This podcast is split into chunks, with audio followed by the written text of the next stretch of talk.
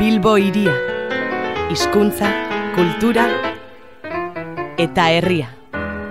Herri ekimeneko euskaltegiekin akordioa egin du Eusko Jaularitzak diru laguntzetan eh 10 milioi euro gehiago jasotzeko jasoko dituzte lau urte barru. Lau urtetan hobe esan da. Aste honetan egineko agerraldian Jaularitzako arduradunak eta euskaltegietako arduradunek historikotzat jo dute akordioa. Baina helduen euskalduntzean jarduten duten e, profesionalek abia puntutzat hartu dute akordioa. Izan ere, berrogei urteko ibilbidearen ostean iritzi da e, aste honetako akordioa. Euren hitzetan, Euskararen normalizaziorako bidean eta helduen euskalgintzari beharrezkoa den akuioa emateko oraindik e, badira hobetzeko esparruak.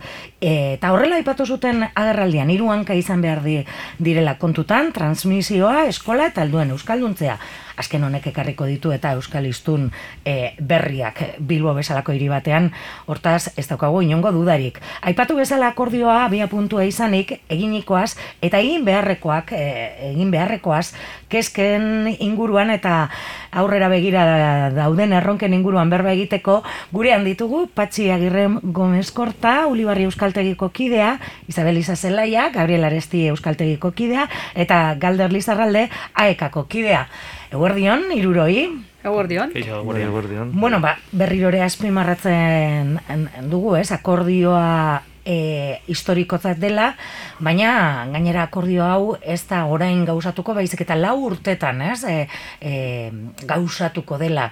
E, bueno, konta iguzu epizka bat e, horrek zer suposatzen duen. Aha. Bai, horragian eh, azpimarratzekoa da, eh, gero sartuko gara gaian eh, sakonago, ezta? Baina agian azpimarratzekoa da hori, ez? Eh, berrogei eh, urtean zehar Mhm. aldarrikatzen eh, ibili garena, hau da helduen eh, euskalduntzeak, ba, nola irten bere prekarietatetik edo eh, lan baldintzak nola hobetu, ezta? Berrogei urtean aldarrikatzen eh, ibili Mhm. izan garena, ba, badirudi, behingoz mailan jarri dela, eta abia puntu bat dagoela, hori hobetzeko bidean ipintzeko. Mhm. Nik horra laburtuko nuke akordio honen e, funtsa. Ez dakit patxi eta galder horrela ikusten duzuen. Bai, berri ona, hori, aipatutakoa, oso berri ona da, eta, eta, bueno, mm, bide egokian, eta, eta ospatzeko hori, pues, handakoa, berroi urtetan eh, eskatutakoari kasu egin, eta, eta horretan jarri garelako, eta oine lan handia dako horretik, e, hori aurrera eroteko, eta, bueno, baina, oize, ospatzeko moduko berria, bai, oin lanera. Bai, a ber, argi eta garbi dago berri ona dala eta nolabait bidea markatzen duela. O- bai, orain arte egon gara ba, tunel batean, eta ez genuen tunelaren irtera ikusten, eta orain esan daiteke, bueno, ja urratz bat eman dugula, eta badakikula tunel honek baduela irtera bat, eta bueno, ondino gauza batzuk geratzen dira, eta hor aipatu dira batzuk, eta Mhm. ez da, eta evidentemente orain margotu inda brotxa gordakin, eta Mhm. orain gero falta dira, pues, eh, zehaztasunak, eta hainbat ikutu ondino. bai. Harin esaten da, ez? Berrogei urteko ibilbidea dutela euskaltegiek, ez? E, horrek suposatzen duen guztiarekin, ez? E, zenbat langilek parte hartu duen helduen euskalduntzean. Aha.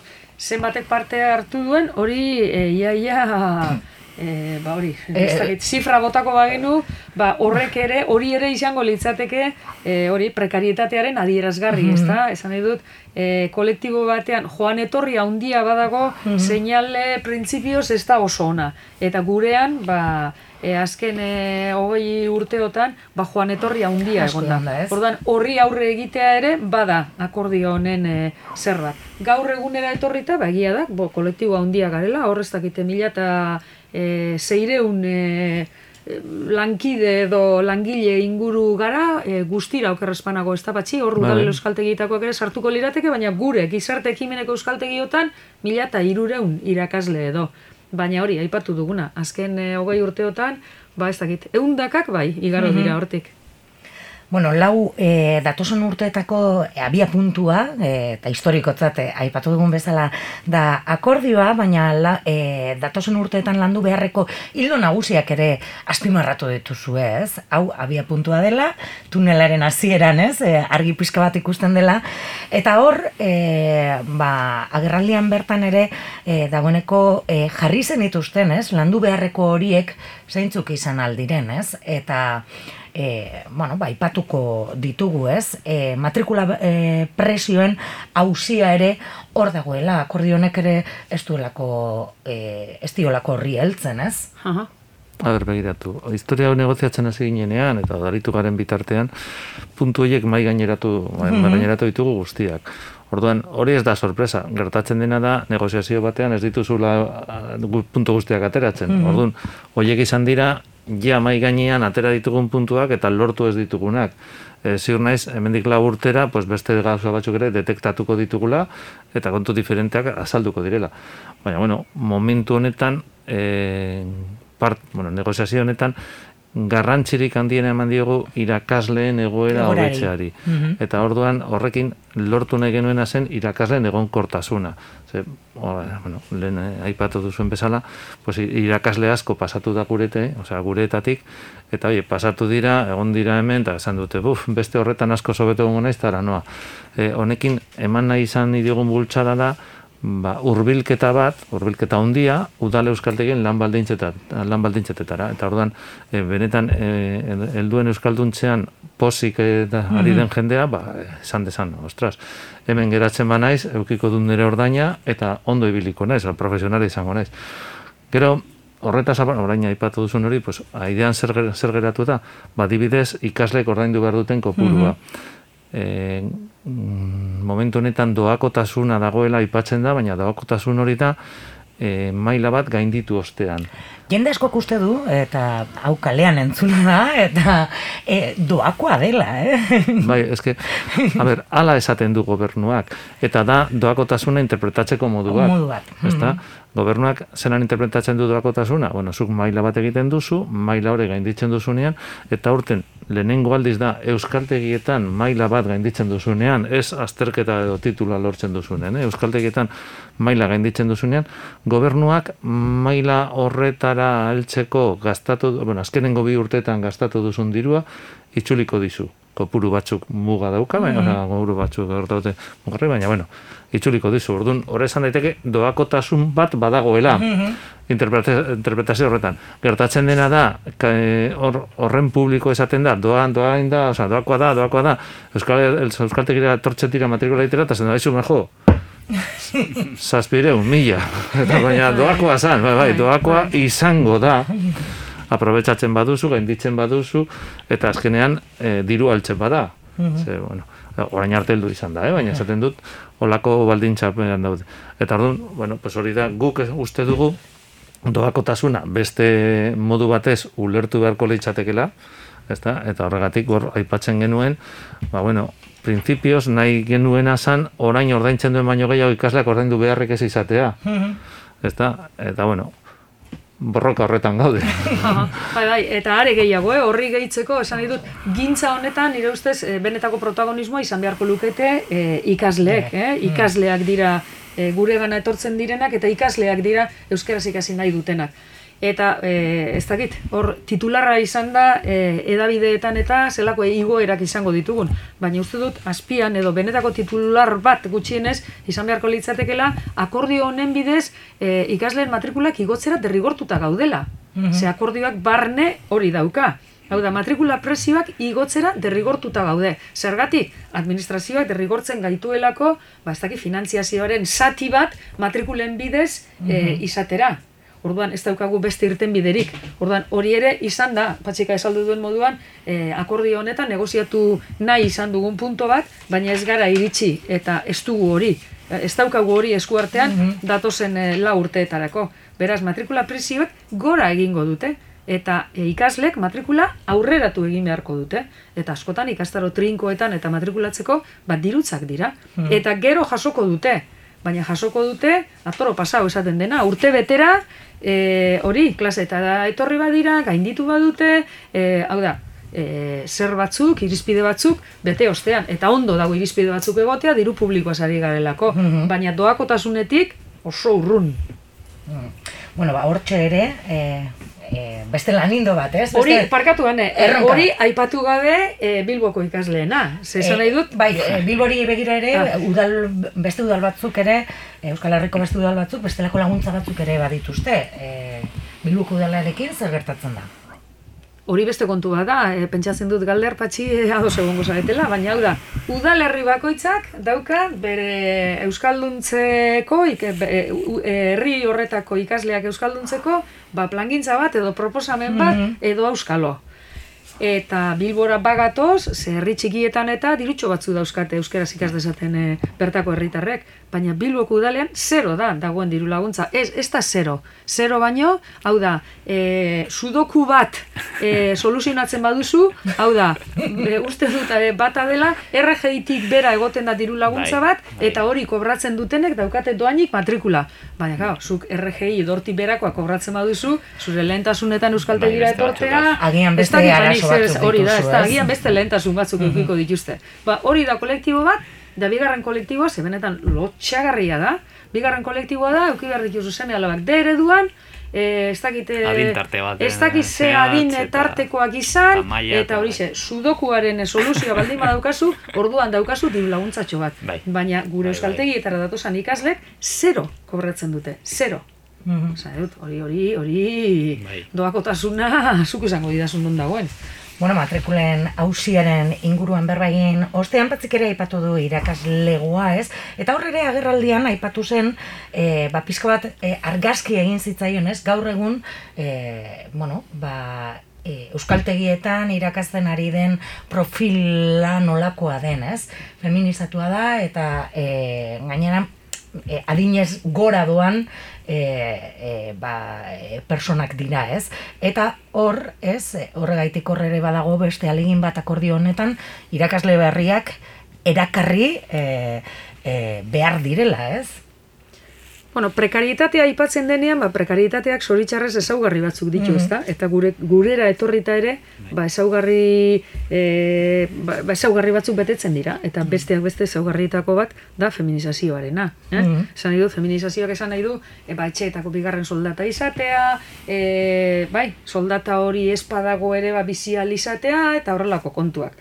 Orduan lehen esan duguna, Juan Etorri handia e, egon dela, dagoela oraindik euskaltegietan, eta ba, Juan Etorri horretan, ba, emakumeok izan gara, e, ba, ez dakit, e, eutxi diogunak, e, ba, ez dakit, alako lanei edo, ezta? Eta hortik dator, hori argi dago, esan dut, e, e, lanpostu bat e, prestigiotsua denean, ba, zailagoa izaten da, feminizatua izatea, ezta? Bai, irakasleak Eta- etorri, barkatu izan. izan. Bai. Ez, irakasleak eta etorri etorten direla, eta lehenengo urtean egoten dira, bat bi urte eta eta gero beti egiten dute beste eskaintzaren bat edo eta salto hori egiten dute. Eta badoaz. Ordan etorri eta hori esaten genuena, ba, e, erakartzeko baino da mantendu ahal izateko, ze, gero askotan esaten dizute. "Jo, Galder, sentitzen dut, baina beste aukera daukat, eta proiektuan sinisten dut, e, ze hori be askotan esaten dugu, eta sartu euskaltegira, gure proiektua euskalduntzea normalizazioan dana, eta oso implikatuta, heltzen da beste eskaintza bat, normalen eskuntzara, edo, bueno, denetarik egon da, eta badoaz, azkenean e, bizi behar dira, eta esan dakoa, ba, Bai, a ber, ezin dena aztu da, gure euskaltegietan eta lan egiteko, bat, alako titulazio bat eskatzen dela. Eta titulazio hori, nahikoa da irakaskuntzara juteko, eh, eus- eh, teknikari izateko administrazioan, eta beste edozein arlotan lan egiteko. Lan hau da. egiteko. Geurean, eh, karrera duna, gradu duna izan behar duzu momentu honetan, orduan, zure gradua, depende zein dan, ba, baterako edo besterako emango dizu aukera, zabalena eta orokorrena da eskuntza baina beste hainbat eh, esparru be zabalik geratzen da. Orduan, oiet, oza, guk ikusten genuena zan, batetik, gure irakasle kalde egin dezakete edozein momentutan. Besteak beste, eskuntzan langa jaitsi dutelako. Osea, momentu, eta ez da gure irakasleek langa hori jaistea behar zutenik, hau da, eh, eskuntzan jaitsi duten langa, eta ja, ez da, eh, euskara be ez dute eskatzen eh, asignatura guztietan. Eh, kendu dute kaperen eh, hori izan da, lehen... eh, Bai, ezinbestekotasuna edo, bai. Ezinbestekotasun hori kendu dute zenbait eh, asignaturatan. Orduan, ba, bueno, horrek esan nahi du, zerrendak utxik daudela irakaskuntza publikoan. Beraz, edozen momentutan apuntatzen zara, eta handik gutxira deitu aldizute. Bai, eh, lehenagotik, le- ez bazeunden eta derrepentean alde egiten ez baduzu, hau da. bai. Berehala badaukago irtera. Gero bestetik, e, gure sektorea feminizatua izateaz gain oso zahartua zen. Oso zaharkituta zegoen. e, erdiak baino gehiago, berrogeta urte baino gehiago dauka, daukagu. Ez da? Eta horrek zer esan nahi du, ba, kontu matematiko bat. Hemendik amar urtera, hemendik amamos urtera, desagertuko garela. Desagertuko gara adinak behartuta, baina desagertuko gara honetatik. Orduan, horrek ekar zezaken ondoria zen sektorea bere ziltzea. Eta orduan, eh, hor, hor daukagun beste eskari bat, eta honek ez dio eragiten eh, kulturari bakarrik, kulturaren pean gaude, honek eskuntzari eragiten dio, ba, geure eh, lanari prestigioa emate aldera, eta jenta ba, posik apuntatxe aldera, eta e, ikus desan euskaltegetan lan egin, de, osea, lan egin dezakela, eta gero agian gehiago gustako saio hau bestea baino, eta esango du, koño, baldintza ona, onak dira, eta geratu. Ba, gu badaukagu beste arazo bat, eta momentu honetan ondino badaukagu, eta da, gure lan esperientziak ez duela zertako balio, ez duela zertako konta, kontatzen administrazioan. Administrazioan. Ah, ez da kurrikularra. Mhm. Orduan, claro, e, zu baldin bazoraz ikastola batera lan egitera, ba, ez dizute emango irakaskuntza publikoan ematen dizkizuten urteko sei puntu. Emango dizute bi. Bueno, baina aitortza bat baduzu. Eta igual ikastola horretan pozik geratuko zara, eta geratuko zara bizitza osoan publikora pasatu barik. Vale, geu, geuk hori ere ez daukagu. Orduan, ni neu, egon naiz euskaltegetan azkenengo hogeita hamar urtetan, eta teorian administraziorako ez dut inoiz lanik egin. Bai. Holako aitortza baten aurren, ez dut inoiz ezer egin, ez da? Ordan, esaten, bueno, nik ez dut alde egingo, baina pertsonaren bat erakarri nahi badugu gurera, pues az daiteke gurean, eta gero gustatuko ez balitzaio, pues pasako litzateke bestera, eta horren aitortza izan da. Eta gustatzen bazaio, eta bitartean ikusten badu gure mundua polita dela, erakargarria dela, ba, esango du, eta berazgarria, esango du, jo, geratuko Bai. naiz hemen. Hortaz gain ere, e, bueno, e, hiru hanketatik e, e, aipatu dugu eskuntza, e, transmisioa, es, eskola, eta helduen euskalduntzea, ez? Hortik etorri daitekelako da, ez? Bilbo handi honetan ere, ze garrantziak duen e, e, helduen euskalduntzea, ez? Oraindik ere, e, e, ba, bueno, badakigu zenbat bilbotar ez diren euskaldun eta, ez? Bai. Eta horri ere, e, akordionek ere garrantzia eman behar dio, e, ze importantea dan helduen euskalduntzea, ez? Bai, bai, hori biztakoa da, esan dut, eh, ez, azken urteak erakutsi dute, eskuntzak eh, eh, bete dezake espazio bat, argi dago, eskuntza oso importantea da, eta transmisioa ere oso importantea da, baina helduen eh, euskalduntzea ezinbestekoa, herria euskalduna izango bada, helduen euskalduntzea ezinbestekoa izan behar da, eta horrek urteak eta urteak eh, iraungo ditu gauzak normal badoaz, ez? Bai, bai, bai, ala da. Ditu Bilbon zenbat, eh, zenbat heldu elebakarrak diren, edo, bueno, bintzat euskarik ez dakiten, edo zio zer, eta, eta orduan gure lana zinbestekoa da, Bilbo baten eh, zenbat jende dagoen eh, euskalduntzeke, eta, eta horretan lan behar dugu, gainera ikusten dabe eh, eskoletatik eta zelan ateratzen diren, eta horreietako asko be azkenean eh, euskaltegi datorten dira, ba, prozesua amaitzeko, edo, bueno, amaitu edo prozesuna aurre egiteko euskalduntzean, eta orduan, gure lana bai, labai beharrezkoa da, normalizatzeko. Eta e, kontuz, aipatzekoa baita, e, ezakit, datozen urteetan aurre ikusten dan e, kanpokoen etorrera. Hori ere aintzat hartu beharrekoa da, esan nahi dut, e, ez? Hori da. Mhm. E, beste erronketako bat, aipatu dugu irakaskuntza, ez, e, finantziazioa, matrikulazioa, irakasleen e, berriak erakartzea, e, irakasleak mantendu alizateko, baina bestetik ere e, izan daiteke, eta hori ere aipatu egin zen e, agerraldian, ez, e, euskaltegiek be eurak ere ba, aurrera pausuak eman alizatea ba, e, ba, bestelako forma batzuetan e, klase eman alizateko e, berrikuntzak e, e, digitalizazioan eta abar eta abar eta abar ez? E, egin direla ez? Alegin itzelak egin direla baina hor ere agian ba, bueno, ba, e, oraindik ere badago egiteko. Bai. A ber, orain arte funtzionatu dugu euki dugunaren arabera, edo euki duguna e, zailkatuta. eta, edo, bai. eta egin, egin dugun esfortzua beste arloetan, ba, izan da, egin izan den tamainan, logikoki. Akordio honekin hori ez da bideratu. Ezta? Akordio honekin, lehen esan dut, irakasleen egunkortasunean eta zentratu gara, eta hor, badago beste puntu bat, eta bada beste partida bat be negoziazio honetan lortu ez duguna, bazen gauza horietarako, osea, inbertsio horietarako. Euskaltegiak berriztatzeko, teknologikoki, kalitate aldetik, didaktikari bere garrantzia ematea. Emateko, bai. Orduan, momen, orain art, osea, akordio honekin egin duguna izan da irakasleen e, hauzia. Kitxo, beste hori da pendiente dagoen kontu bat. Bai, Eta bueno, guk hor markatuta daukagu, hau lau urteko akordioa da, bueno, pues urrengo akordiora akordioari begira hor hor daukagu. mhm. Eta orduan, konstiente gara eh, berrikuntza teknologikoak izugarriak eh, direla eta izugarrezko eh, ez dakit nola esan, eh, galera ekonomik galera edo inbertsio ekonomikoa ekarriko digutela eta etengabeko inbertsioa izango dela, baina egin beharko da. Eta, bueno, eta ekonomikoa esaten dudanean, esaten dut kalitate aldetik, esaten dut didaktikan, esaten dut beste arloetan. Orduan, hor, bueno, pues, mm, pendiente geratu den, horregatik hori da, eh, erron, markatutako erronketako. E, bai, erronkak, ez? E, da, markatu orain dira. arte, orain arte egin dugu superviventzia. Baina superviventzia ez da nahiko e, e, zera, e, erakunde moduan irauteko. Superviventziaz gain, hezkuntza arautuan dagoen moduan, behar da ikerketa, behar dira e, ikateak, behar dira hori ezinbestekoa da. Bestela eriotzera goaz, eh? Orduan superviventziatik irten, eta normaltasunera kakotxartean joatea izango litzateke e, hori dena e, kudeatu ahal izatea. Eh?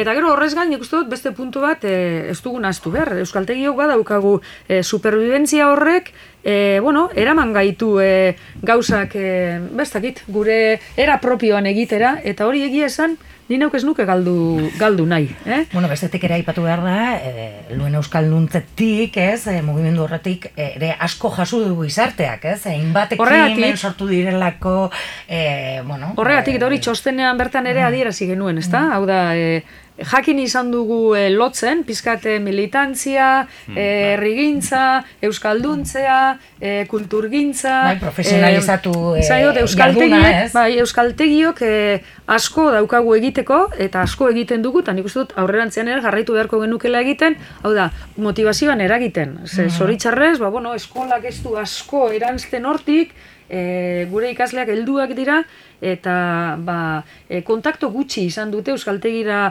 etorri aurretik euskararekin edo euskararen munduarekin. Orduan, oso importantea da, hor, e, ba, euskaltegiaren bueltan, hizkuntzaz gain edo hizkuntzarekin batera jasotzen duten hori. Eta egia esan, nik horri eustea, e, ez dakit, uste dut, e, aldarrikatu behar dugula, eta horri indarra egin behar dugula, hori ez galtzeko, da hori da, euskaltegiok zerbait izan badugu, hori izan da, ez? Gure izaeran, hori gure, gure ez dakit, zeluletan dago. Eta horri nik uste dut eutxi egin beharko geniokela. Bai, azken finean egoerak behartu gaitu beti superviventzia egoera ba, batean bizitzen, eta nik uste ohitu egin garela. Eta orduan, e, superviventzia hori izan da batetik ekonomikoa, baina estetik ideia berriak sortu behar izan da, eta demostratu nahi izan dugu beti, baina euskararen garrantzia ze punturaino mm zelakoa dan, eta bueno, pues, hori ibili gara, a, e, zenbait kasotan, pues, guk e, jendea geurera e, osea, erakartzen, eh? erakarri nahian. Osea, bai. Bai, ai- aipatzen dugu hori erakartzearena eta mantentza irakasleak eta, baina ni be asko postu nintzen e, urtetan, esan dugu berrogei urte hauetan lanean, karo, e, hoien irakasle hoien eta askoren e, baldintzetan ere aurrera pausak emango dira eta ni postu naiz ikaragarri haiengatik, haiek ibili dira be urtetan borrokan, ibili, ibili zarete be, eta, eta klasek ematen, eta zuen superviventzia horretan, e, ni duela amabost urte bat sartu nintzen, eta e, bizi izan dut egoera hau, baina, karo, atxera begiratuta, dinosu, ostra, jende honek e- egin duena eta egiten ari dena be bai, eta orduan, ez da bakarrik e, berriak erakartzeko eta mantentzeko, baizik eta ibili, ibili zareten hori be, hori, e, holako baldintzak eta eskuratzea, Aha. Eta gero, ez dakit, eh, agian eh, kutsu, ez dakit, eskorretik edo ari gara Bai. eh, hitz egiten, baina hone positibotik ere asko dauka. Esan dut, helduekin lan egitea eh, polita da. Bai, bada. heldu bat daukazu aurrean, hor eh, elkar ulertze, elkar komunikatze, elkar eragin, segure ikaslek euskeraz ez dakite, baina gauza asko dakizkite oso Bai. interesgarriak direnak, eta esa, eta esan nahi dut, gustora lan egiteko moduko kontua da gurea, ez? Esan nahi dut, nik hori balioan ere jarri nahiko nuke. Bai, bai, bai, bai. Eh, eh, ez dakit, eh, irakaskuntza arautuak, bueno, baditu orain arte, pues, eh, eh, baliabide aldetik, eh, soldata aldetik, ba, egia esan, oso ondo ikusita egonda, eh, ba, soldatak eta onak izan direlako. Baina gero eh, lanerako, hau da, egunerokotasunerako, ni gureari ez nioke esarkenduko, are gehiago, ni balioan jarriko nuke. Ze helduekin lan egitea, benetan, eh, polita, ederra da, eh, gehienetan. Bai. Eta umeekin edo gazteekin lan egitea, bueno, eukiko ditu, eh, bere alde on eh, asko, Baina, bueno, hor dago, umeak eta gazteak ere errezak ez dira, orduan, bueno, Bueno, aipatu ditugu, ez? Gauza positiboak, e, e, bueno, akordio honek ekarri duen ona ere, baina oraindik ere, ba, e, zenbat puntutan dago- dagoen e, lan egiteko, ez? E, bueno, prestutasuna ere agertu zenuten, ez? E, sektoretik, e, euskaltegietatik, lanean jarraitzeko, ez? Guzti puntu, e, bueno, ba, geratu diren puntu guzti horiek inguruan ere akordioak e, ba, egiten joateko, ez?